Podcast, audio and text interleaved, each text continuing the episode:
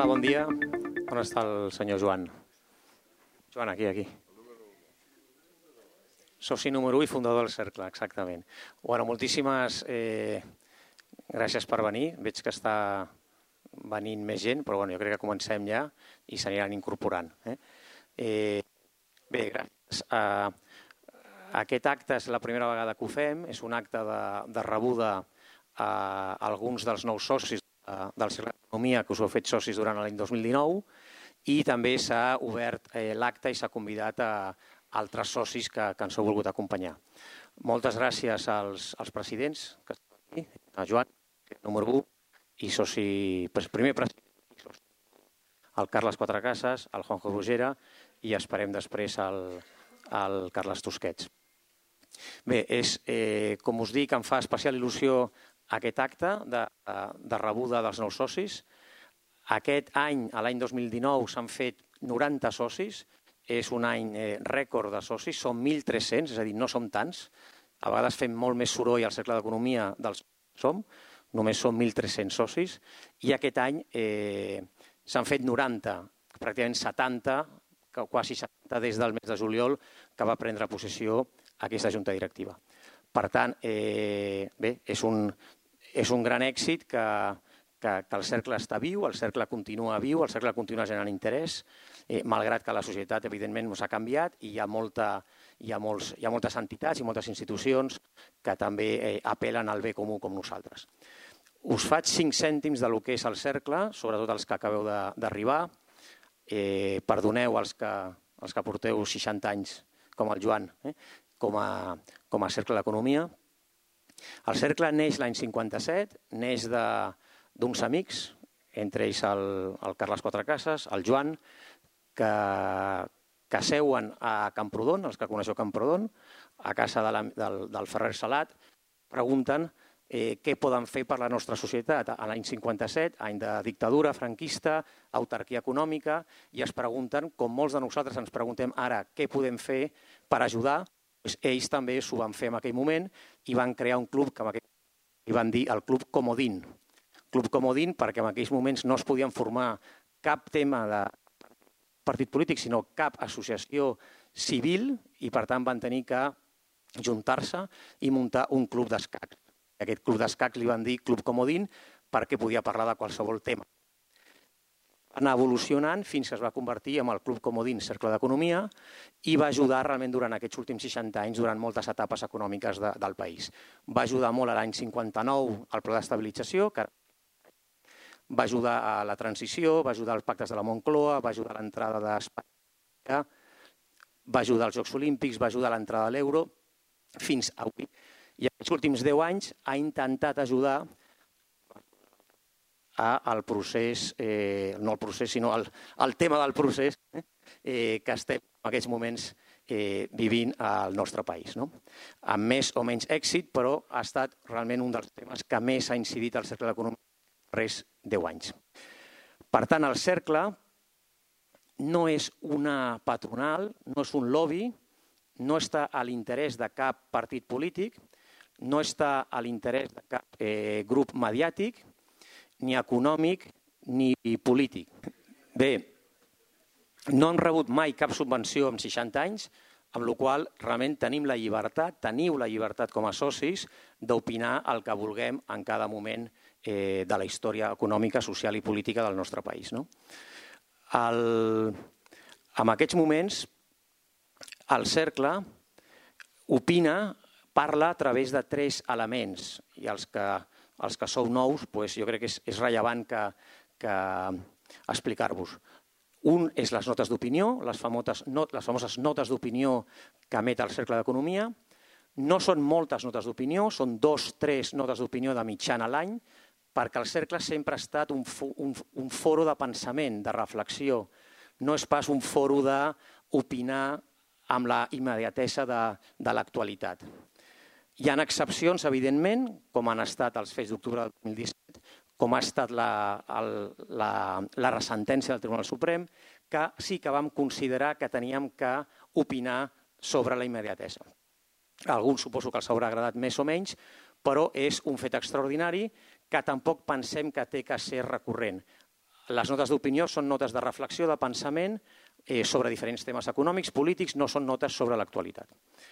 El segon moment que nosaltres parlem és a través dels de cicles de debat que fem.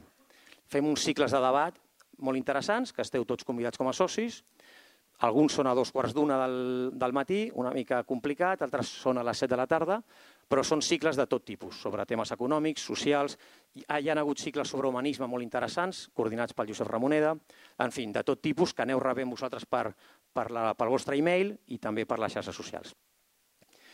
Després també parlem a través de les jornades anuals que fem. Organitzem unes jornades cada any al mes de maig. A l'any 2000 20 seran el penúltim fi de setmana de maig. Comencen dijous a la tarda, dijous a la tarda, divendres i acaben dissabte al matí sempre la cluenda càrrec del president del govern espanyol. Les inaugura sempre el president de la Generalitat i les eh, tanca sempre el president eh, del govern espanyol.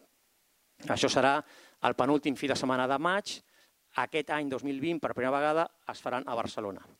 Durant 25 anys es van fer a la Costa Brava, i durant 23 anys es van fer a Sitges. Aquest any la Junta Directiva ha decidit traslladar-les a Barcelona, es faran al Palau de Congressos i tot el que són els dinars i sopars es faran als jardins del, del Fermo en Barcelona. Bé, aquesta és la tercera pota sobre la que treballem i després hi ha una activitat menys pública, eh, més privada, de Junta Directiva i del seu president de parlar amb molts stakeholders de l'administració pública, tant espanyola com catalana, i intentar incidir amb les polítiques públiques que nosaltres creiem que són d'interès del bé comú. Això és el que fem. Això és el com ho fem. Amb què ens volem concentrar aquests propers tres anys. I es pot anar canviant, perquè després parlarem una mica de, la, de com us podeu també vosaltres com a socis involucrar amb la gestió del dia a dia del cercle Economia.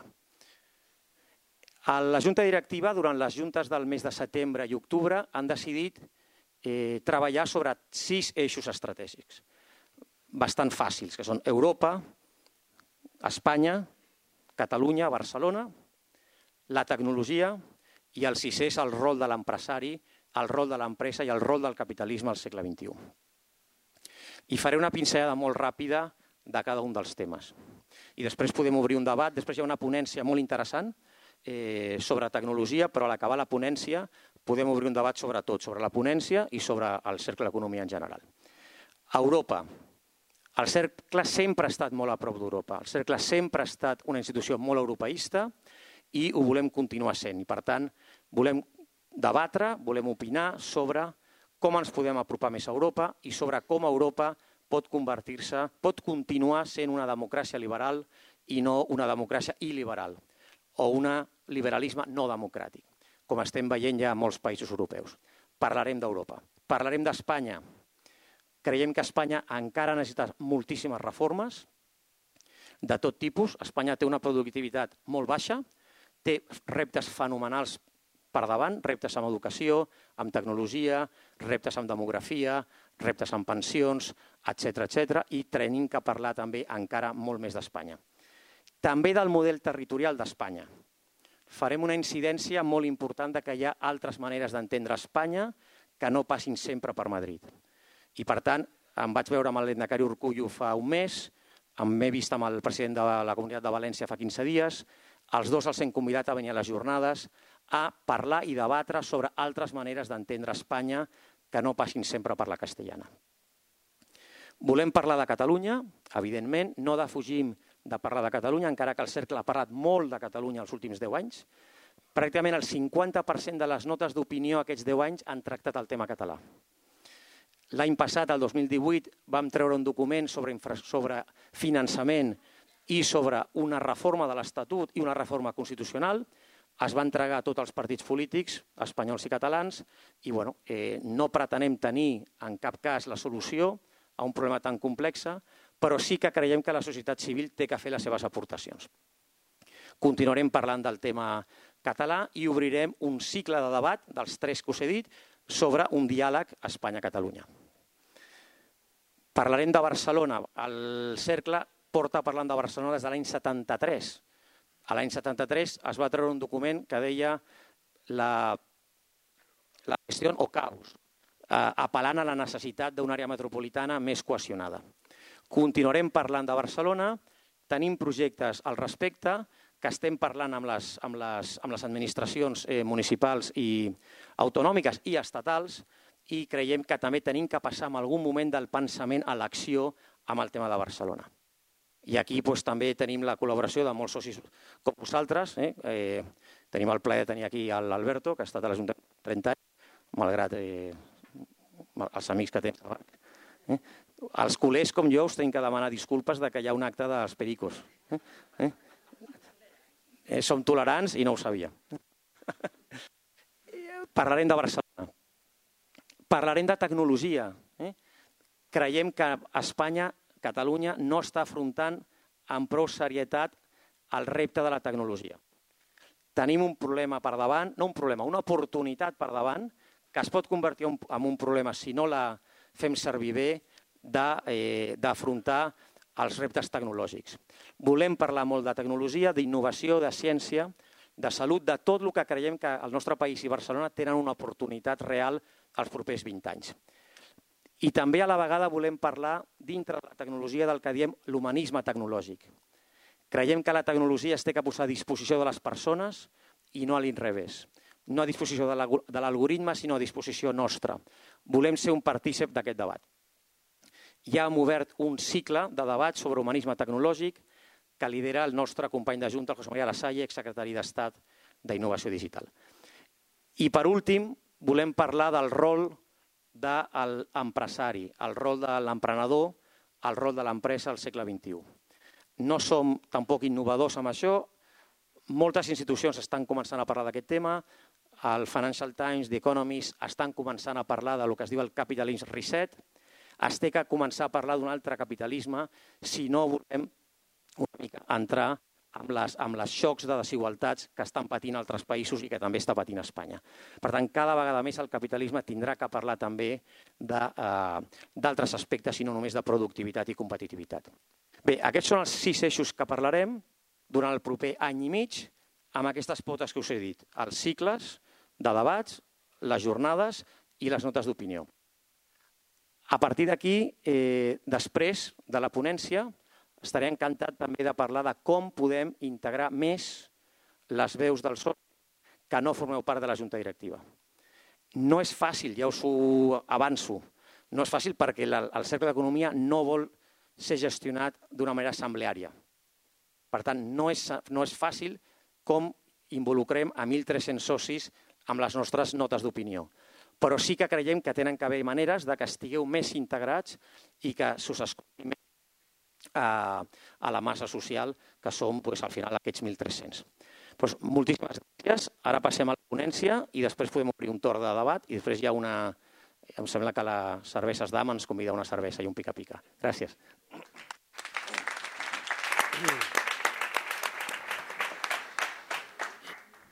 Molt bé. Um, moltes gràcies, president. Has posat molts temes eh, sobre la taula. Um, per mi és un plaer poder introduir uh, aquesta taula rodona que porta per nom surfejar amb el lideratge digital. La veritat és que aquesta vegada ens va costar molt a trobar un títol per la, per la ponència. Tenim, teníem molt clar del que, del que volíem parlar, eh, però no ens va ser fàcil trobar doncs, una frase que us, que us sintetitzés adequadament i que fos, i que fos atractiva. No?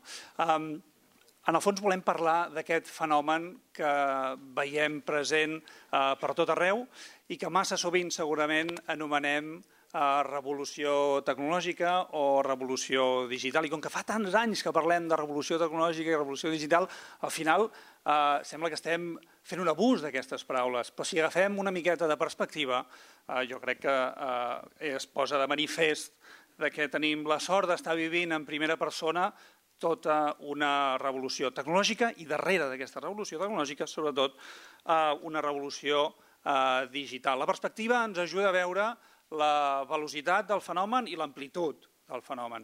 Uh, per velocitat vull dir per exemple, fa, uns anys, eh, quan participava en, aquest, en, en, debats eh, similars, amb uns ponents eh, no tan il·lustres, eh, i era un event segurament no tan ben organitzat com aquest, començàvem els actes posant exemples eh, de la velocitat de l'impacte de, de, la revolució tecnològica, exemples d'alguna empresa, d'algun sector, i la veritat és que a dia d'avui d'exemples ja n'hi ha tants eh, que persones que encara ens sentim una miqueta joves, massa sovint ens trobem explicant batalletes com si fóssim Uh, no, no, no nada, com si fóssim uh, persones uh, més grans. No?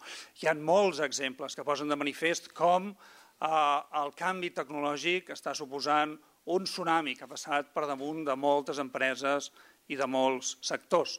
Velocitat del fenomen i també amplitud. Amplitud uh, tant a nivell sectorial com també de producte. Eh? A nivell sectorial, perquè no estem parlant només d'aquells sectors natius eh, digitals, aquelles empreses que han nascut en l'ambient 100% digitals, sinó que cada vegada costa més trobar un sector tradicional que no hagi estat revolucionat pel canvi tecnològic i pel canvi digital. Intenteu pensar per un moment si coneixeu algun sector o alguna empresa que no tingui cap punt de la cadena de producció afectada de manera directa o indirecta per la revolució digital. És pràcticament eh, impossible. És un fenomen molt ampli a nivell sectorial i també a nivell de mercat, de mercat geogràfic, perquè està, és evident que el mercat en el que competeixen les empreses ha canviat de forma radical, eh, però també eh, cada vegada més veiem que canvien els competidors naturals de les empreses. Cada més dubtem de quins són els competidors de les empreses. I si voleu, a nivell eh, macroeconòmic, eh, un fenomen que també posa a manifest eh, la importància del fenomen és que és molt difícil de mesurar. Les mètriques tradicionals com el PIB o la inflació cada vegada tenim més dubtes de que capturin l'impacte real eh, del fenomen. Per tant, si estem convençuts que ens trobem davant eh, d'una regulació amb, amb tota regla, eh, l'impacte el tenim en múltiples eh, dimensions. A nivell social, eh, perquè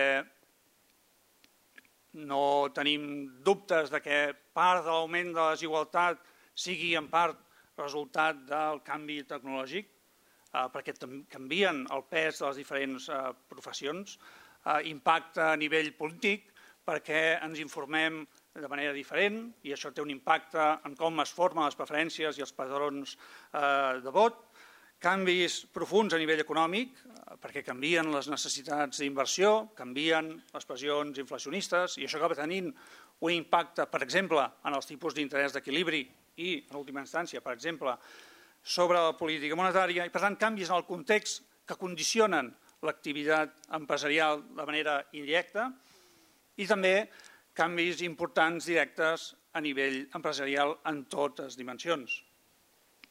Des de la fase inicial, en quina tecnologia hem d'invertir, quin tipus de talent hem de contractar en la fase de producció, perquè apareixen noves modalitats de treball o d'organitzar l'empresa i en la fase final, perquè canvia la manera en què ens comuniquem als nostres clients o canvien els valors dels nostres clients. En fi, tenim moltes preguntes i avui estic convençut que deixarem aquest àmbit eh, més eh, teòric i les intentarem baixar eh, a nivell pràctic les seves implicacions empresarials. Els intentarem posar eh, noms i cognoms i és una sort tenir amb nosaltres la Rita i l'Oriol Sant Leandro per conèixer de primera mà les implicacions que està tenint el canvi tecnològic a nivell empresarial i com amb una bona gestió el que per molt sembla una amenaça, un tsunami, es pot, doncs es pot convertir en una, en una gran eh, oportunitat. Es tracta d'aprendre a surfejar, com dèiem al principi, amb el lideratge digital. Introdueixo breument a, a, la, a la Rita Almela i a l'Oriol Sant Leandro, tot i que la majoria de vosaltres segur que ja, els, que ja els coneixeu. La Rita és una emprenedora, una entusiasta emprenedora, inversora i experta en transformació digital, innovació i tecnologia. És Managing Partner de 101 Ventures, Vas treballar a Caixa Capital Risc, un, un punt d'inflexió, segur. Claríssim. Vas treballar a Garrigues, ets cofundadora de CPM Telecom, Alma Shopping, inversora en Garage 51, Kenco Health Accelerator, has viscut a Argentina, Colòmbia, Mèxic, a San Francisco, ets economista de formació i vas fer l'executive MBA a, a l'IS. I l'Oriol San Leandro és emprenedor, entusiasta, també, uh, angel investor i expert en, en startups. Has viscut a Barcelona, a Londres i a San Francisco, on vas fundar la, la teva primera startup dins del sector food and tech.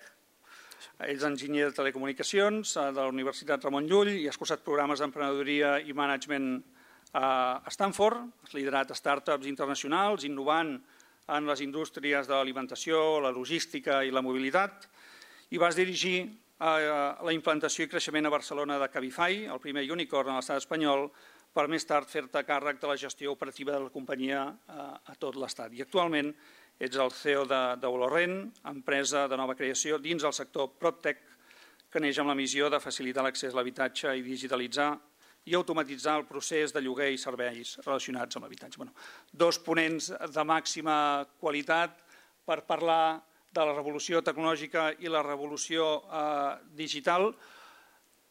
Si em permeteu, eh, m'agradaria començar amb una, amb una pregunta fàcil, eh, però personal. Uh mhm. -huh. Lideratge, uh mhm. -huh. lideratge digital, això de, de surfejar amb el, amb, el lideratge, amb el lideratge digital. Quines són les, les característiques que ha de tenir el, el, el líder digital um, quins, diguem, on posaríeu l'accent si ho compareu, per exemple, amb, el, amb un emprenedor, un empresari, un bon empresari eh, d'un sector tradicional? Què el, què el fa eh, diferent? Si vols començar, uh -huh. Rita, comencem per tu. Primer permetem dir que estic molt agraïda de, de que m'hagueu invitat. Um, jo venia a moltes sessions, vaig venir quan anava a la universitat i estava admirada de tot el coneixement eh, que es transmetia, doncs em fa, és un honor poder estar aquí eh, transmetent experiències i eh, el meu punt de vista. Um, comentàvem de surfejar, no? Sí. No sé si hi ha molts surfistes en aquesta sala, però quan tinc la visió d'un líder digital és una persona que està molt atenta a ser molt flexible i adaptar-se a totes les onades que venen de les diferents tecnologies, tendències, nous models de negoci i oportunitats. Les onades passen i si no se la surfeja, eh, ja han passat. S'ha de detectar quina és la onada gran no? i quina és l'oportunitat que realment ens hem de pujar i, i um, integrar dintre les nostres empreses o crear una nova oportunitat a nivell d'un nou model de negoci.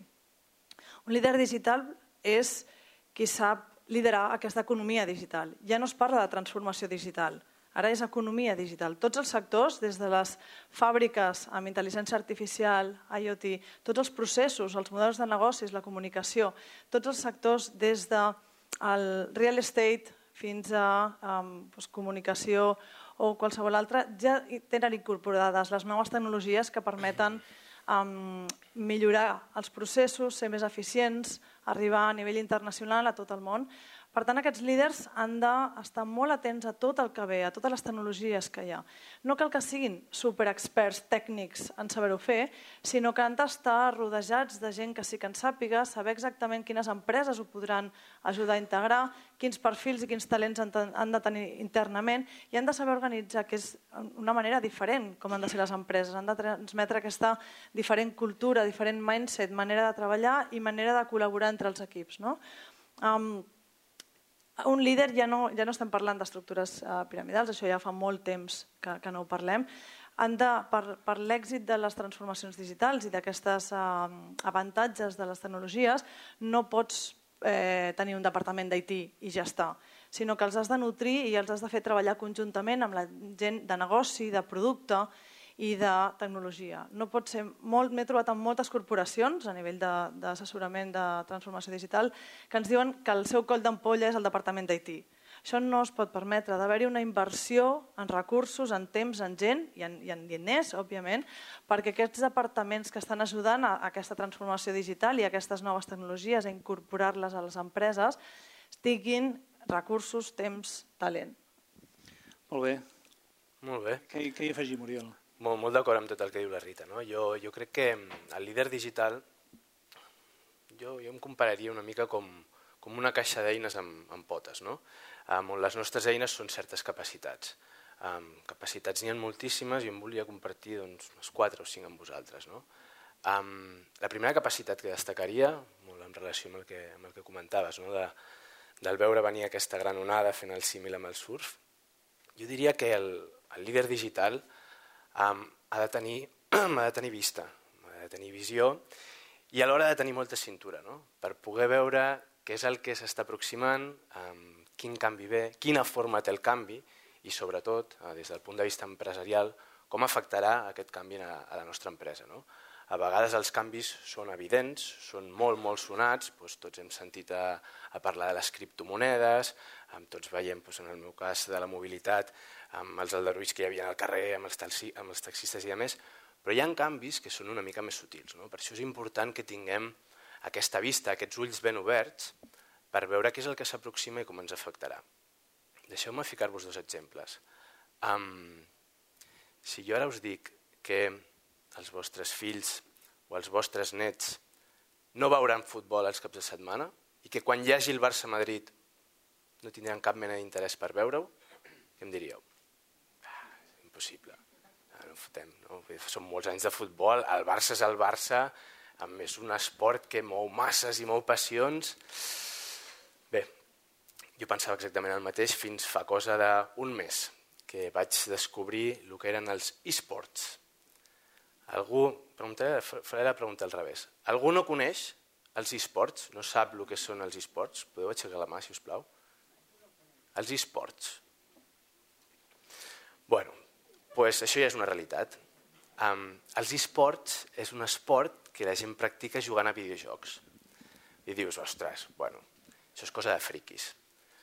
Bé, fa menys d'una setmana va haver-hi la final mundial de League of Legends, que és el joc més popular dintre dels esports, a París, amb un estadi monumental.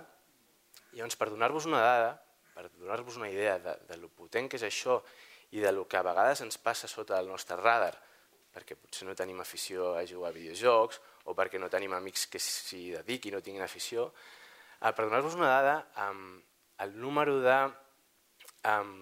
d'assistents, no, de la gent que estava veient la final de League of Legends era igual que el número d'assistents que van veure la final de la Super Bowl aquest any passat, més el número d'assistents i de gent que va veure la final de la NBA aquest any passat, més el número d'assistents que va veure la final de hockey i de béisbol, tots junts. Centenars de milions de persones connectats alguns a internet, altres a l'estadi, mirant com dos equips jugaven a videojocs i competien per emportar-se el trofeu. Això va néixer fa cosa de 3-5 anys, van començar uns poquets, cada cop s'ha anat professionalitzant, ara ja mou milions i milions de dòlars. Els jugadors cobren salaris milionaris, bueno, ja s'està equiparant una mica les xifres que es mouen amb el futbol i altres esports. si jo ara mateix tingués una empresa que es dedica a fabricar complements textils per equips esportius, em plantejaria molt seriosament començar a desenvolupar, no tinc ni idea, perquè ja us dic que jo no sóc massa aficionat als videojocs, però m'ho invento, munyequeres perquè quan li donin el teclat estiguin més còmodes, o ulleres per estar més centrats a la pantalla quan estem jugant al videojoc. No ho sé. Això per una banda, i per una altra banda començaria a invertir en esponsoritzar aquests equips perquè marques com Toyota, com Sony ja estan fent-ho i perquè veig que això serà la pròxima onada. Um, si voleu saber més d'esports, um, tenim justament aquí avui amb nosaltres el campió mundial d'aquest any passat, va guanyar la final, no ell, ell no és dels que juga, però ell sí que és el director general de la companyia que patrocina aquest equip, que es diu FanPlus, el director general per uh, Europa i tot Amèriques. Um, interessant el tema, sobretot per tot el que vindrà. Amb un altre exemple, què em diríeu ara si us dic que els vostres fills o els vostres nets no tindran cotxe? No tindran. No, no, el cotxe de propietat no, no existirà d'aquí 10-15 anys. Aquesta potser sí que la veiem més. No? O sigui, veiem que el cotxe és un actiu que realment perd valor a la que la compres, que cada vegada el fem servir menys, quants cotxes veiem, sobretot els que vivim fora i entrem a Barcelona, que van amb una sola persona conduint i provoquen aquests embossaments. Bueno, aquest és més, més evident, no? però si, us dic que no només no tindran cotxe, sinó que no pagaran per la mobilitat, això ja sorprèn més, no? Ostres, però que Cabify cobràveu, no? Sí, cobràvem. I tots els patinets aquests que veiem pel carrer també cobren, no? Sí. Però hi ha rumors no? o hi ha tendències que pensen que Google, que està desenvolupant el cotxe autònom des de fa molts anys, sota la marca Waymo, diuen que la seva estratègia és posar tots aquests vehicles que seran autònoms al carrer i oferir-los de forma gratuïta. Per què? Perquè el negoci estarà dintre del cotxe. Estarem tots dintre del cotxe, més o menys temps allà captius, i el negoci estarà com ens bombardegen en publicitat o com ens venen productes dintre del cotxe. Una altra vegada, si jo ara sóc un empresari i tinc, per exemple, una empresa que es dedica a la tecnologia, m'estaria ja trencant el cap com començo a desenvolupar pantalles o sistemes per encabir dintre del cotxe i per començar ja a oferir serveis en aquesta línia. Bueno, aquest és el, la capacitat número 1, eh? la, la visió i cintura. Uh, vaig més ràpid amb les següents. Comunicació, ho deies abans, no? canvia tot moltíssim, ens, ens hem d'adaptar molt ràpid als públics que tenim i per fer una bona comunicació hem d'entendre molt bé a qui ens dirigim quan ens comuniquem. Um, per exemple, um, quan preguntem, quan tinc un, un, una audiència on la majoria són millennials i els hi pregunto quants de vosaltres veieu la televisió terrestre, la que hem vist tota la vida, TV1, TV3, Tele5, molt poca gent aixeca la mà. Si pregunto quants de vosaltres um, consumiu um, televisió um, a través de plataformes de pagaments com Netflix, HBO o alguna d'aquestes. Tots comencen a aixecar molts més la mans. Quants teniu Facebook, quants teniu WhatsApp? Tot això està canviant. Jo ara com a empresa, quan he de pensar on destino una partida molt important um, per màrqueting, segons el públic que vagi dirigit a la meva, la meva empresa, em dedicaré molt pocs diners o molts pocs recursos a la televisió, com es feia fins ara. Perquè les altres eines a part d'anar molt més dirigides al públic meu objectiu, són molt més eficients des d'un punt de vista econòmic. Jo en Facebook em puc targetitzar exactament un col·lectiu d'una edat concreta. Vull que només eh, arribi publicitat a joves entre 26 i 28 anys, que siguin noies, que visquin a l'àrea de Barcelona i que tinguin una certa eh, afició o tinguin uns interessos particulars. Tot això comparat amb una altra cosa que inclús no puc ni medir el retorn exacte que m'està tenint, fa que jo em decanti molt més per aquestes eines que no pas pels mitjans tradicionals. Llavors, és important saber els canals amb els que ens comuniquem i la forma amb la que ens comuniquem. Cada vegada més parlem de màrqueting de continguts. Us poso un un altre exemple. Ara estic canviant l'habitació dels crius. Um, estem pensant en com decorar-la exactament, però hi ha un tema que ens preocupa molt. No? Um, tinc un fill de 3 i una altra nena d'un any Um, us podeu imaginar com acaben les habitacions després de, de la tarda. No? Um, doncs necessitava caixes per ordenar. He rebut moltíssima publicitat de caixes, ja sabeu com va això, no? quan necessites alguna cosa busques una vegada i llavors et comencen a bombardejar amb això.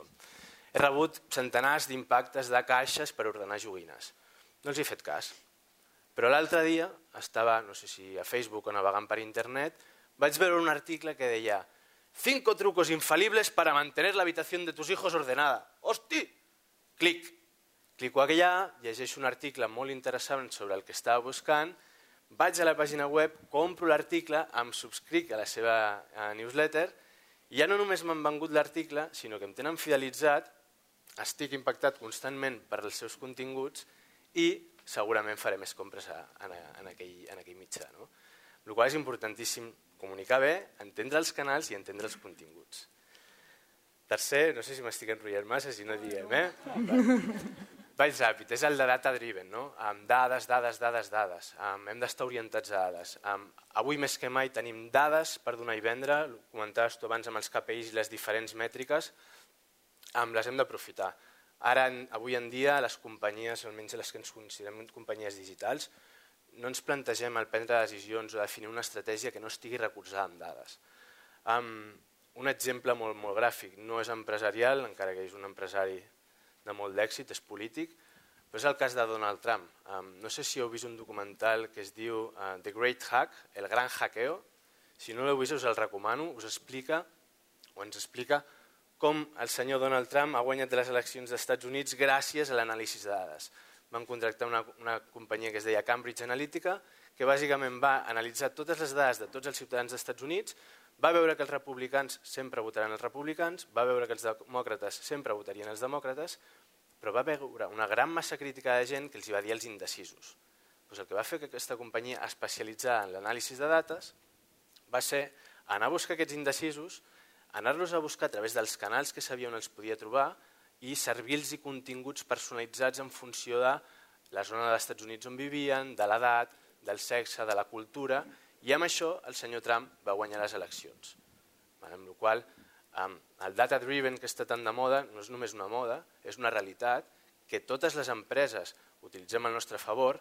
En el cas aquest de Cambridge Analytica la cosa no va acabar molt bé, però va ser més que res per com van agafar les dades de tota la gent i de tots els habitants dels Estats Units, però el resultat va ser molt potent. Va guanyar les eleccions. I les empreses al final ens serveix per diferenciar-nos de la nostra competència, per saber quin missatge hem de donar i per saber vendre el que volem vendre. Ho deixo aquí, n'hi havia un altre quart, però em quedo Ella, l'Oriol, abans ens ho ha advertit. Eh? Sí, jo, jo, jo, he avisat, jo he avisat. Si m'enrotllo, feu-me alguna senyal i, i, i anem Vinga. passar a una altra Escolta, pregunta. Um, ens, clar, ara han anat sortint ja uh, varis temes des del punt de vista sempre del, del, del líder i del, del líder digital, no? de, del, del surfer. Um, I la taula, eh? uh, també és imprescindible. No? Llavors, uh, um, quins són els, els elements claus um, per les empreses natives digitals, però sobretot uh, per les tradicionals que s'estan uh, revolucionant digital, digitalment? No? Quins són les, els aspectes claus per poder digitalitzar-se uh, amb èxit? Um, principalment és voluntat i acció. Vale? sembla fàcil dir-ho, però realment hi ha moltes empreses que encara estan amb, amb por. No? Um, com deia abans, s'han d'invertir recursos i s'ha de tenir una, una visió. No? Escolta, com seria l'ideal del sector on t'estic o del model de negoci? No? Com seria la, la manera més simple, la manera més eficient, la manera més productiva, la manera d'arribar a més gent? Doncs ens ho imaginem, ja hi ha tecnologies per arribar a això. L'automatització i la digitalització de qualsevol model de negoci, de qualsevol procés, ja ho permet fer amb les tecnologies que existeixen, sigui intel·ligència artificial, sigui IoT, sigui blockchain, sigui cloud, sigui machine learning. L'únic que és és entendre-ho, tenir aquest líder digital que és capaç de, de, de detectar quines són les tecnologies que s'han d'integrar i no només estem parlant, deies l'eina, no? la, la, la planxa per surfejar, no estem parlant d'e-commerce, no estem parlant d'eines digitals de, de manera de treballar, sinó estem parlant de qualsevol tecnologia que es pugui integrar per automatitzar i digitalitzar aquests processos per fer l'empresa més eficient i, i, i créixer d'una manera uh, molt més ràpida. No? Um, hi ha tota la part de, de talent, vale? que ho comentarem, uh, hem comentat la part de líder digital, però és molt important atraure bon talent i saber com retindre'l. Les maneres de treballar actuals, sobretot de les noves generacions, són molt diferents, tenen uns altres valors, um, no només buscant diners, sinó que se'ls ha d'oferir molt més. Um, aquesta part de talent, part de globalització, el món és el teu mercat, per tant no et pots quedar amb, amb, amb un país, amb, un, amb unes ciutats concretes. I després soc molt pro de les uh, corporate ventures, no només de les inversions en startups i després adquisicions, sinó de participar i d'aprendre, d'aprendre d'aquest ecosistema um, que estan evolucionant molt ràpid. És prova i error, és exploració, és, bueno, això no ha sortit però tornem-ho a fer. Aquesta aprendre que dintre les corporacions, sobretot grans corporacions, és molt difícil i, i requereix molts recursos, molt temps, Um, per mi la manera més eficient de fer-ho és estar a prop d'aquestes uh, startups, d'aquests emprenedors. Poden ser intraemprenedors, eh? pots uh, fitxar un talent expert en determinada tecnologia i crear-ho dintre l'empresa. Pot ser col·laborant amb, amb, amb empreses externes expertes en tecnologia, col·laborant amb startups, invertint en startups, creant hubs, acceleradores, etc. Hi ha moltes maneres, però per mi és molt important que les corporacions estiguin a prop d'aquest ecosistema que va tan ràpid a nivell d'innovació, digitalització i descobriment de noves tecnologies. Nosaltres des de Senoventures el que fem és engranar eh, tecnologia, emprenedoria i corporació o centres d'investigació. Fent aquest puzzle d'aquestes tres peces, el que aconseguim és una rapidesa en arribar al mercat i en descobrir quins són els models de negocis òptims i que poden revolucionar el futur al sector o el model de negoci i apostar per aquests models. Um, L'únic que fem és automatitzar i digitalitzar aquests models i sectors amb tecnologies avançades. Què afegim, Oriol? A veure, jo, jo crec que la, la clau, sobretot per les multinacionals, eh, per, per tenir èxit en quant a la innovació, és, és només una. I és, bueno, hi ha molta segur, però per mi és una molt, molt important, que és que, és que s'ho creguin, és creure-s'ho. Um, dos exemples. Um, un amic que tenia una consultora d'innovació, uh, ho ha deixat córrer. Dic, Rafa, com és que ho has deixat córrer? Però si, si t'anava molt bé tenia el negoci, eh, m'assessorava grans multinacionals i la seva conclusió és estava cansat. Estava cansat de que de cada quatre clients que tenia, només un projecte d'innovació prosperés i tirés endavant. Al final el que passa amb les grans multinacionals és sí, hem d'innovar, és important innovar, anem a invertir en innovació, anem a invertir en aquest equip que deies d'IT, no? o inclús hi ha gent que té de R més D més el que sea, um, però no s'acaba fent Um, llavors el Rafa el que deia era això, no? de, bueno, estava cansat de fer tot el projecte, de presentar-los, involucrava la direcció des d'un principi, feia tot el tema de la gestió del canvi, però al, al final tot això queda en un calaix. No? Llavors és important que, que les multinacionals s'ho creguin i que apostin de veritat. Un altre exemple, fabricant d'automòbils, em conviden, um, quan encara estava a Cabify, a, a visitar-los a la seva àrea d'innovació d'aquest fabricant. Arribo allà, la primera impressió molt bona, amb una sala gegant, amb molt estil Silicon Valley, espais diàfans, amb tot de pòstits per les parets, dic, ostres, estan innovant de veritat. I xerrant amb aquesta persona, al final dic, bueno, escolta, és genial tot el que esteu plantejant, anirà de fàbula. I em diu, bueno, diu, és que aquí a la casa encara es pensen que d'aquí 20 anys seguirem venent els mateixos cotxes que venem ara i que probablement, i probablement seguiran anant amb benzina. No? Cantó oposat, amb una empresa d'automoció, també us poso un altre exemple, on realment s'està apostant i s'està innovant. Daimler, eh, BMW, ha fet una joint venture i han invertit la friolera d'un bilió d'euros per desenvolupar serveis de mobilitat.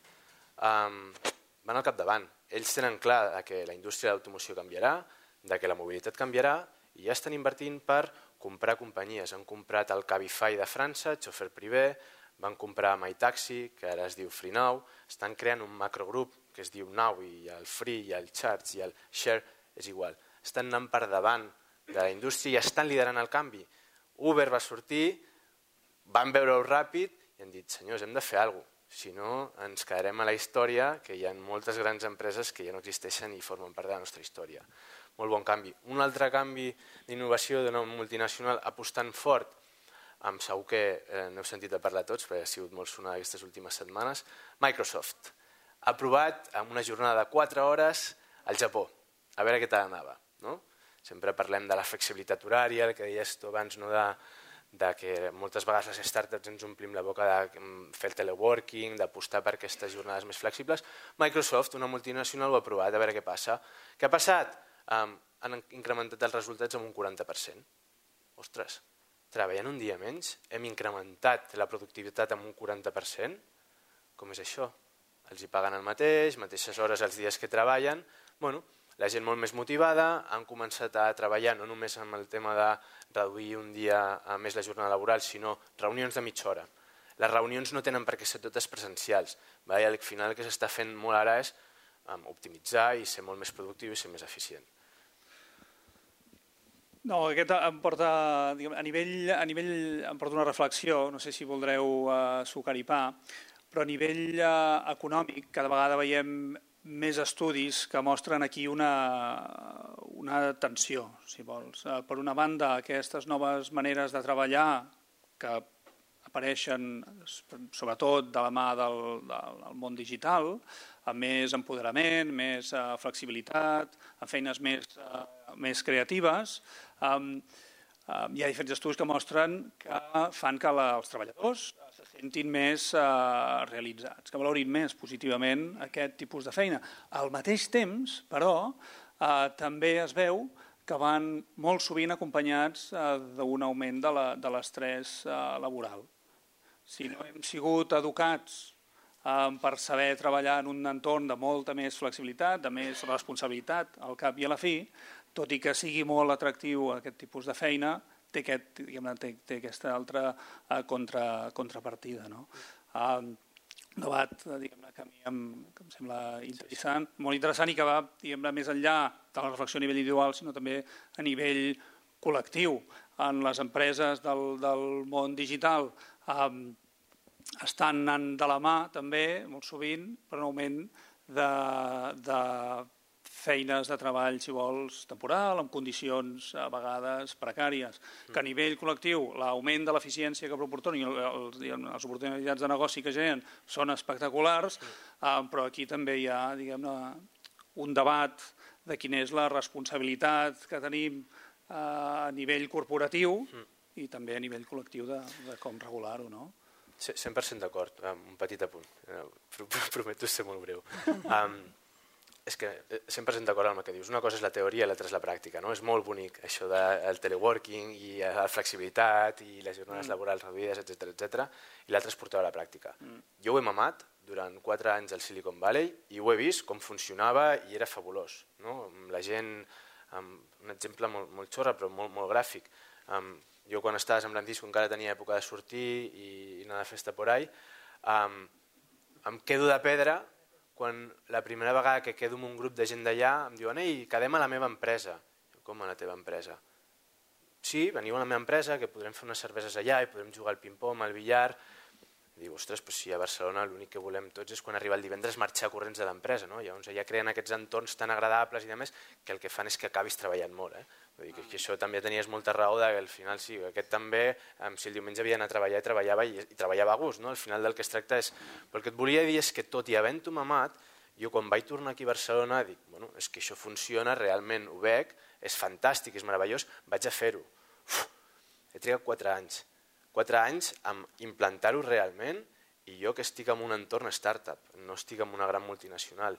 Hi ha dues barreres gegants que m'he trobat. La primera, la pròpia, eh? o sigui, el confiar realment en la gent, i al final tenim una cultura i un país que sempre pensem que ens l'estan fotent o ens la poden fotre, no? i el fet de confiar cegament amb el teu equip, amb els teus, costa un temps, i l'altra és de la, pròpia, de la pròpia gent, no? del propi treballador, d'ostres, com puc jugar amb aquesta confiança i aquesta flexibilitat i no acabar treballant 24 hores els 7 dies de la setmana, que és el que acaba passant moltes vegades. No? Llavors, bueno, al principi és donem flexibilitat i després comences a posar fronteres i ajudar la gent a que realment no estigui les 24 hores connectada i, i pugui conciliar i pugui treballar i pugui disfrutar la família dels amics i del seu temps lliure. Però és complicat. Sí. Sí, sí. Um, un, altre, un altre tema que volia posar sobre la taula, Rita, abans l'has uh, comentat de, de passada, és en, en com uh, ens ho hem de fer les empreses, les tradicionals i les uh, purament digitals, per, uh, per atreure aquest uh, nou talent. No? I relacionat amb això, m'agradaria saber, ara ho posaves també sobre la taula, Oriol, com veieu vosaltres a Barcelona posicionada en, en aquest món, perquè a vegades l'evidència anecdòtica del diari local, per dir-ho així, ens, eh, ens fa pensar que anem molt bé, però abans el president Faus ho posava sobre la taula. No? I és, eh, és una amenaça o una oportunitat eh, que, diguem que s'està jugant avui aquest partit i les conseqüències eh, durant molts anys, no? si el juguem bé o no. Uh -huh. um, en quant a retindre, bueno, captar talent, no? estem parlant deies abans, no, salaris precaris depèn de quins sectors. No? Ara estem parlant de captar talent eh, digital i captar, captar talent que sigui capaç de conduir les, les corporacions o startups a, a nivell de digitalització i a un següent nivell. No? Um, és passió, és el que deia l'Oriol, ja no és un sou, els has d'oferir molt més. És a dir, no et dic que hagis de tenir els futbolins i que els ofereixis doncs, la cervesa dels, di, dels divendres, però sí que necessiten, perquè les altres empreses ja ho estan oferint de, a nivell startup i a nivell empreses més digitals noves, amb moltes més eh, característiques que se senten molt més a gust i que permeten treballar molt més a gust. I treballar a gust és, és molt important per a les noves generacions. Um, transmetre passió. El que busquen el, el, les, els nous talents és poder aprendre. Necessiten estar acompanyats i veure que la persona que els liderarà o que tenen o amb qui treballaran és algú que realment els hi aportarà a nivell de coneixement. Ja no els hi serveix de no, no, és que cobraré un sou i per tant doncs mira, és un sou alt i ja m'està bé. Necessiten sempre estar aprenent contínuament. Llavors, no només han de fer les tasques del dia a dia, sinó que se'ls ha de motivar amb reptes molt ambiciosos. Han de veure claríssimament una carrera professional on podran arribar a dalt de tot i on el dia a dia no és sempre igual, sinó que contínuament se'ls està donant um, projectes uh, paral·lels d'innovació o formació o que treballen, eh, col·laboren amb altres àrees de la companyia per fer eh, determinats eh, nous models o, o, o el que dèiem, no? d'exploració, prova-error, això és, és el que els motiva, no? poder estar aprenent contínuament.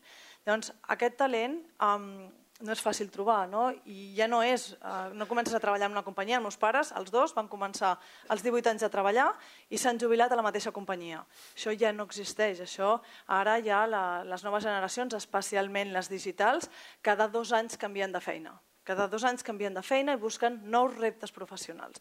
Es veu sobretot a San Francisco, a Silicon Valley, contínuament reps ofertes de noves empreses perquè el creixement i les noves oportunitats generades per la transformació digital és, eh, doncs és contínua. No?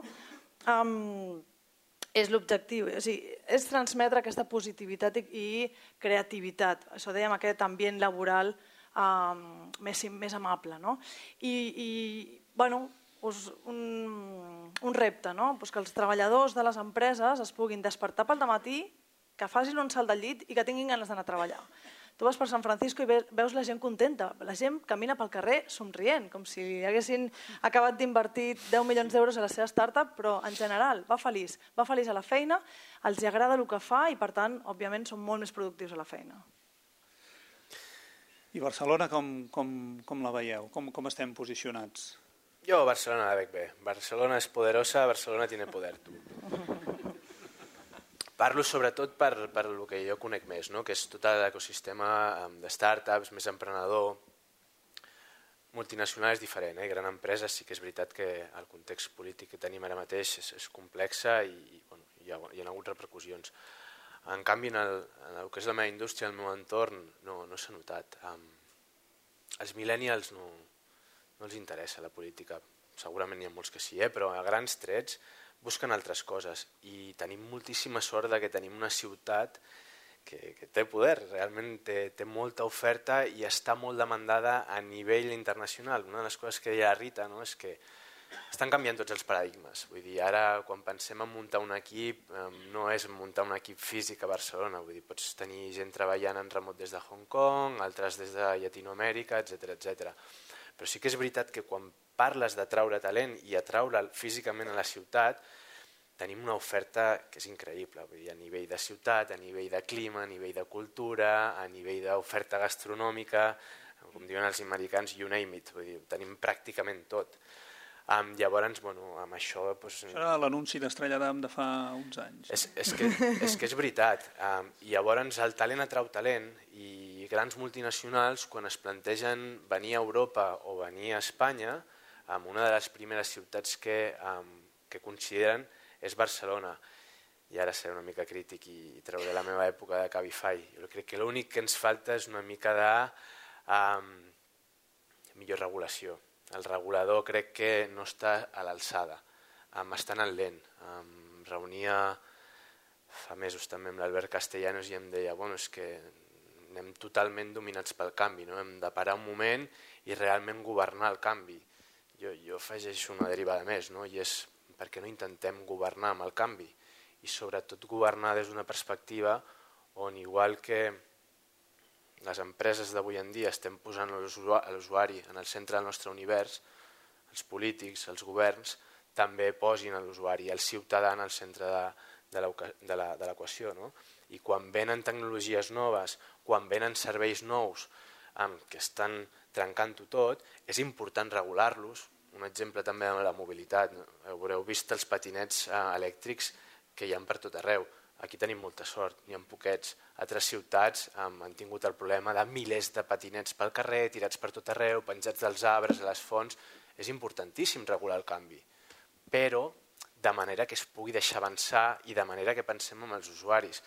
En el cas de Cabify, perdoneu que parli un altre cop de, de lo meu, al final el que veníem a oferir era una alternativa a algun servei ja existent, que era el taxi, un servei tradicional que havia estat en solitari durant molts anys i igual que passa en moltes altres indústries, quan només hi ha un jugador, doncs al final el servei empitjora, els, els preus pugen, etc etc. Nosaltres des del primer moment dèiem no ens volem carregar el taxi, ni molt menys. O sigui, volem incloure el taxi. De fet, treballem amb el taxi o treballàvem amb el taxi a totes les altres ciutats del món, a més de 40 ciutats de tot el món. Barcelona era l'única amb la que no ho fèiem, o a l'estat espanyol és l'únic país on no treballàvem el taxi, però volíem incloure'l. Però aquí el que ha fet el regulador és no, els nous no podeu entrar, anem a protegir l'antic. No? A vegades posava comparacions ridícules com, ostres, és com si quan arriba el mòbil l'administració diu no, no, aquí a Catalunya o a Espanya el mòbil estarà prohibit perquè hem de protegir la cabina de telèfons. No és, hosti, no, no fotem, no? Amb molt, quants sectors s'han vist afectats per tota l'evolució digital, amb els comerços de tota la vida, quan ha vingut Amazon, amb els, els comerços o, o, o no, no, no, no ens allarguem amb el perquè havia quedat molt bé acabar sí, sí. amb aquesta nota d'esperança sí, sí, sí, sí. que estem... Eh, Barcelona és brutal i, i amb governs que, que apoyin encara ho serà més, ho tenim tot. Quedem tenim tot i tenim molta sort. Amb, amb eh. aquest uh, missatge. I ara donem jo crec que, jo crec que és fantàstic que veieu el que fem com a cercle. No? Són debats que hem tocat tot, educació, hem tocat regulació, hem tocat innovació, tecnologia, talent. Això seria un molt bon exemple d'un cicle de debat, però que duraria potser 5 o 5, 5 sessions, o 6 sessions, o 8 sessions. Hi han des de 2 sessions fins a 8 sessions. I després el cercle faria unes conclusions que les podem exposar a les administracions, a les eh, convertir en polítiques públiques o no, o simplement fer una nota d'opinió que l'exposem als, als socis. No? Pues moltíssimes gràcies i, i estem a la vostra disposició durant, durant una estona abans de, abans de, la, de la cervesa per lo que vulgueu, per parlar del cercle, per parlar dels socis, per parlar de vosaltres, per parlar de la ponència, per lo que necessiteu. Moltíssimes gràcies. Gràcies.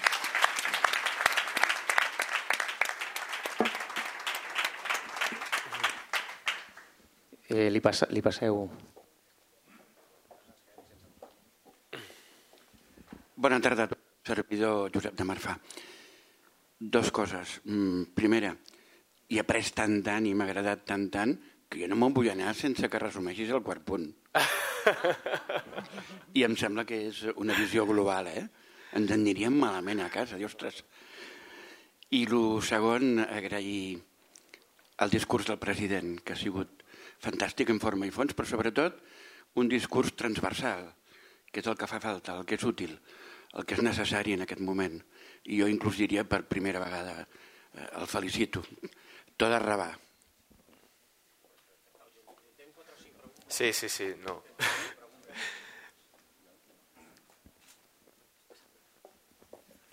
Jo, jo crec que tot el que hem sentit és realment fantàstic. Ara hi ha una cosa que m'ha deixat molt preocupat. Amb el fa quan ha dit que realment el joc eh, eh, és pràcticament que els meus nets ja no veuran mai un Barça-Madrid. Jo fixa't, no, no, no, no, perdó un moment. A mi em preocuparia que no poguessin veure un Federer Nadal. I us diré per què. Perquè realment el Federer Nadal són dos símbols de persones que han fet un esforç tècnica, eh, sofriment, disciplina, tal, i s'han convertit en exemples al seu fair play. Tal. Si realment això desapareix, hi ha una part de la humanitat que perdrà coses importants, però si, si realment mai un jugador de màquines podrà ser un Federer o un, o un...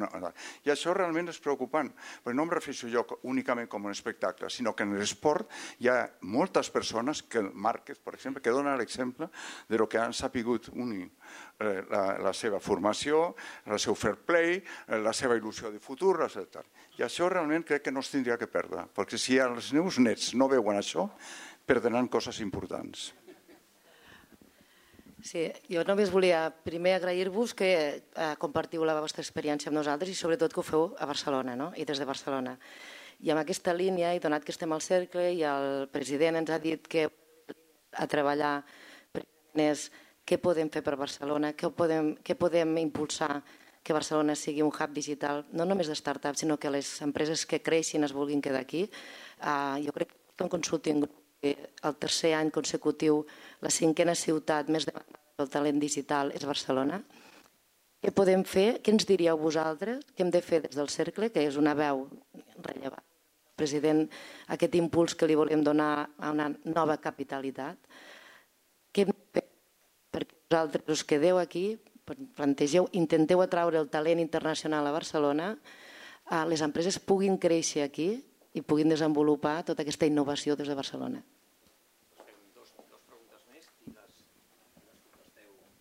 Sí, sí, sí.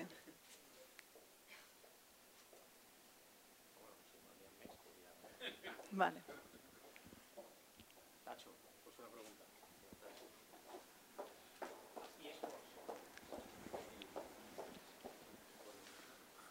Hola, mm, jo primer volia dir que tranquils perquè el Barça, el vostre centre de el seguiran, seguiran veient, no? Jo entenc que per una persona que va descobrir fa un mes els videogames estigui frapat i pensi que tota la humanitat es ficarà a jugar a videogames dintre d'una generació. Però nosaltres, com a empresa, vam comprar ja fa dos anys la Lliga de Videojocs Professionals, que és la primera lliga eh, amb espanyol tant a Espanya com a Sud-amèrica, i amb ramificacions a la Xina. Vull dir que el tema dels videogames és una cosa que ve de molt lluny i no té res a veure amb la popularitat o amb el seguiment que poden tenir altres esports. Eh, nosaltres com a empresa som una empresa que hem sigut punters amb el, amb el tema de la digitalització i les noves tecnologies. Segurament és poc conegut, però és així. La meva empresa és MediaPro, perdó, perquè no... I, però jo volia deixar, volia dir, volia baixar una mica les coses al terreny real. O sigui, l'algoritme eh, no és tan llest, al contrari, crec que és bastant tonto en aquests moments. És possible que n'aprengui, però no, no està... Tot el que ens venen de l'algoritme no és cert. O sigui, la, la recomanació, per exemple, de l'algoritme amb, amb el nostre negoci, que és el negoci de la televisió i dels continguts, doncs pràcticament no serveix. O sigui, ningú mira una sèrie de Netflix per la recomanació que li fa Netflix, ningú. La gent mira les sèries per les recomanacions que li fan altres persones, per les que es troba al diari, per lo que, va, lo que va sentint pel carrer. Però l'algoritme, diguéssim, que no l'encerta senzillament es dedica a basant-se pues, en, en, en, en intuïcions eh, algorítmiques poc profundes en, en pensar pues, que això podria ser que li interessés a aquesta persona. I jo crec que ni això, jo crec que senzillament ho va llançant eh, basats en uns criteris que, que, que desconec. Eh, passa amb moltes altres coses, amb la publicitat que tu deies de Facebook o de, o de, o de, o de les xarxes socials. Jo crec que la, els venedors d'aquesta publicitat són molt bons, són extraordinaris, tenen un màrqueting meravellós i ens estan fent creure que efectivament tenen dissenyat perfectament a qui anirà l'anunci, com el veurà i que el veurà realment una persona que vol comprar justament aquell producte. Mm, jo sento dir que això no és així, vull dir que, que disparen també perdigonades de molt ample espectre i que no va tan dirigit com ens pensàvem. I per altra banda, mm, crec que també hauríeu de fer una mica de reflexió sobre el, el, el que parlàvem de, de la feina. Eh? Que es parla de que si la gent canvia de feina cada dos anys en un món meravellós, la gent el que té és un treball precari enorme i la digitalització el que ha fet és fer que encara fos més precari. I de fet, els hi hem tret drets socials a la gent.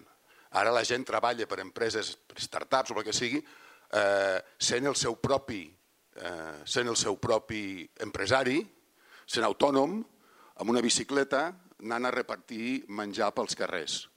Si això és ser un autònom, doncs jo crec que això és una pèrdua absoluta de, de valors i no crec que sigui comparable una cabina de telèfons amb un taxista. Em sembla que defensar el taxista no és el mateix que defensar una cabina de telèfons. I per últim, respecte a que els millennials no fan política, home, hem tingut 40 millennials detinguts aquí a Barcelona per fer política. Estarem en contra o a favor, però tenim 40 millennials que han estat al carrer i, i, i els han detingut eh, justament per fer política. O sigui, jo tampoc veig aquesta correlació d'aquest món digital que allunya la gent de la política o que intente allunyar-la també de la defensa dels seus drets laborals. Gràcies. Anem comentant. A veure, anem ràpid. El quart punt. El quart punt eh, parlava de eh, user experience, de posar l'usuari al centre de l'univers. Ja està, no m'extén més. Eh, exemples, Apple, amb com ha arribat a ser l'empresa més valorada de tot el món, més d'un trilió de dòlars, centrant-se en disseny, a l'hora de fer un mòbil comencen pel disseny i fan espavilar els enginyers per acabar, i l'altre exemple és Amazon. Vale? En meu d'anècdota, el Jeff Bezos, fa molts anys, quan va començar les seves reunions amb el seu equip executiu, va posar una cadira enmig de, de la sala de reunions i va dir, senyors, aquesta cadira buida és el nostre usuari. D'aquí no es prendrà cap decisió ni cap estratègia amb la que aquest senyor no estigui d'acord. Vale? Llavors, bueno, també hem vist com ha acabat Amazon i jo crec que és important avui en dia posar l'usuari al, al centre de, de l'univers de les empreses. No? Entendre'l, comunicar bé i fer una mica el que, el que ens demana, el product market fit que li diuen als Estats Units. Federer Nadal, 100% d'acord, i 100% d'acord amb el senyor de, de MediaPro. Esperem que mai desaparegui. Vale? era una exageració portat a l'extrem, però sí que és veritat, i això és el que parla el documental aquest que a mi em va deixar al·lucinat, és que al final tota la comunitat que està aficionada als, als esports arriba a veure aquests esportistes com a esportistes d'èlit i per ells tenen tant mèrit el campió mundial que juga amb el League of Legends com el Federer Nadal, perquè a nivell de tècnica requereixen pues, desenvolupar unes habilitats jo no ho comparteixo, però veient això puc arribar a entendre que per ells són gent que s'estan de mitja què? 15-20 mm, hores jugant a videojoc per arribar a aquests nivells, al final ho comparen com l'esforç que fa un esportista d'èlit i estan remunerats de la mateixa manera i al final són dos equips, igual que passa amb el bàsquet, passa amb el futbol, mi al principi em trencava el cap i potser sí que és la novetat que em té frapat. Però sí que feien aquesta comparativa i dius, ostres, doncs és veritat, i jo també espero que mai desaparegui el Barça i que puguem anar i que seguim vibrant com seguim, però hi haurà altra gent que vibrarà amb aquest tipus d'esports i si media prosta darrere és que, que aquí es mouen calés. Um, què més? Um, sorry. No, no. Tira, no, no, no, no, no, tira, no, tira, tira. tira. Uh, ens, ens preguntant què podem fer des del cercle per um, ajudar Barcelona pues, a seguir creixent i retenint talent i de més, no? Uh -huh. um, hi ha una iniciativa que és Barcelona Tech City, no sé si la coneixeu, però en el Pier 1, que és a la Barceloneta, a l'edifici de Palau de Mar, allà s'ajunten startups, inversors i corporacions, on creen els seus hubs i laboratoris d'innovació i on treballen conjuntament vale? aquest engranatge que deia, on treballen molt conjuntament amb les startups per promoure aquestes eh, noves iniciatives, aquestes eh, exploracions, etc. No? Comentaves el tema del cotxe connectat. Doncs allà justament vam fer un projecte amb SEAT de la connectivitat del cotxe. El propi cotxe és un device. No? Um, doncs aquesta iniciativa és excel·lent, és a dir, s'ajunten uh, moltíssimes empreses, hi ha empreses unicorn com um, um, Let Go o va sortir Wallapop, va sortir La Luz, d'allà han sortit les top startups uh, espanyoles uh, a dia d'avui i l'ambient, les ganes de treballar, les ganes, no de treballar, les ganes de crear, les ganes d'impactar, les ganes de, vinga, seiem més de cafè, escolta, va, què, què fem, no? què fem conjuntament, com t'ajudo, um, què fem demà, no? on volem arribar, com volem aconseguir això. Aquest ecosistema, aquestes sinergies és, és espectacular. Llavors, això, poder-se replicar, um, aportaria molt valor perquè molta gent internacional de talent i, i, i bon talent que tenim aquí no vulgui marxar i gent de fora es vulgui quedar aquí. Bueno, doncs moltíssimes gràcies. Jo crec que eh, els, que els que sou socis, eh, que us acabeu de fer socis, heu vist el que és el cercle. El cercle és un espai de llibertat, és un espai transversal, és un espai on tot el diàleg, tot es pot parlar i precisament eh, eh, això és un bon exemple de, de debat. No? no tots pensem el mateix, Malauradament, amb aquesta societat, a vegades eh, doncs la gent té por de dir el que pensa, el cercle es vol mantenir com un espai obert de diàleg i de, i de llibertat. No? Per tant, molt benvinguts i moltíssimes gràcies als ponents. Moltes gràcies.